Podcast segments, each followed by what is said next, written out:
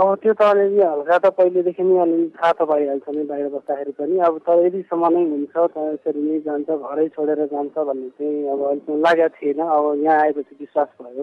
उता हुँदाखेरि त राम्रै कुराहरू हुन्थ्यो बोल्थ्यो। अब यही त्यही त होला। अब फोनसोन गऱ्यो भने फोन फोन रिसिभ नहुने यस्तोहरू यस्ता कुराहरू हुन्छन्। अब यस्तो हुँदा के गर्नु? अब आफ्नो देशमा चाहिँ अलिकति नेपाल सरकारले चाहिँ रोजगार दिलायो भने चाहिँ यो समस्याको चाहिँ अलिकति कम होला कि भन्ने एउटा आशा छ। उहाँ हुनुहुन्थ्यो। काभ्रेका सुजन आचार्य सुजनको जस्तो पीडा हाम्रो समाजमा धेरै छन्।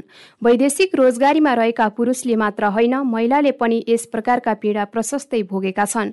कानूनी रूपमा सम्बन्ध विच्छेदका लागि अदालतमा निवेदन दर्ता गर्नेको संख्या पनि हत्तै बढेको तथ्याङ्कले देखाउँछ। उच्च अदालत विराटनगरमा आर्थिक वर्ष दुई हजार पचहत्तर छयत्तरमा एक सय बयालिसवटा मुद्दा दर्ता हुँदा छयत्तर सतहत्तरमा सो संख्या एक सय चौरासी पुगेको छ। मोरङ अदालतमा गत आर्थिक वर्षमा सम्बन्ध विच्छेदका दुई हजार आठ सय सतासी मुद्दा दर्ता भएका थिए जसमध्ये सोह्र सय साठीवटा फर्चुट भएको र बाह्र सय सत्ताइस मुद्दा विचाराधीन छन्। सानै उमेरमा विवाह भएका केही मुद्दा बाहेक अधिकांश सम्बन्ध विच्छेदका मुद्दा वैदेशिक रोजगारीसँग जोडिएका छन्। यसलाई सामाजिक चुनौतीका रूपमा व्याख्या गर्नुहुन्छ मोरङ अदालतका सूचना अधिकारी हेम बुढाथोकी। र अहिले अब यो चालु आर्थिक वर्षको तिन महिनामै हाम्रो सात सय अठाइस सय दर्ता भइसकेको यो चाहिँ बढेको हो। समाज ध्रुवीकरण भएको हो होइन? सोच्ने ऊ परिवर्तन भएको हो। अब विवाद नयाँ नयाँ छ। प्रविधिको विकासको कारणले होइन? पतिले या पत्नीले उसलाई मेसेन्जरमा यस्तो कुरा लेख्यो उसले यस्तो कुरा लेख्यो भन्ने विषयले पनि लिएर आउँछन्। तर विवादको विषय चाहिँ त्यस्ता देखिएका छन् बढ्दो छ। दुई हजार पचास साल पछिको अठाइस वर्षमा पचास लाख बढी युवाले विदेशी भूमिमा आफ्नो पसिना बगाएका छन्। सोही श्रमका कारण धेरैको जीवन स्तर उकासिए पनि केहीले भने जीवनभर भुल्न नसक्ने पीडा बोकेका छन्।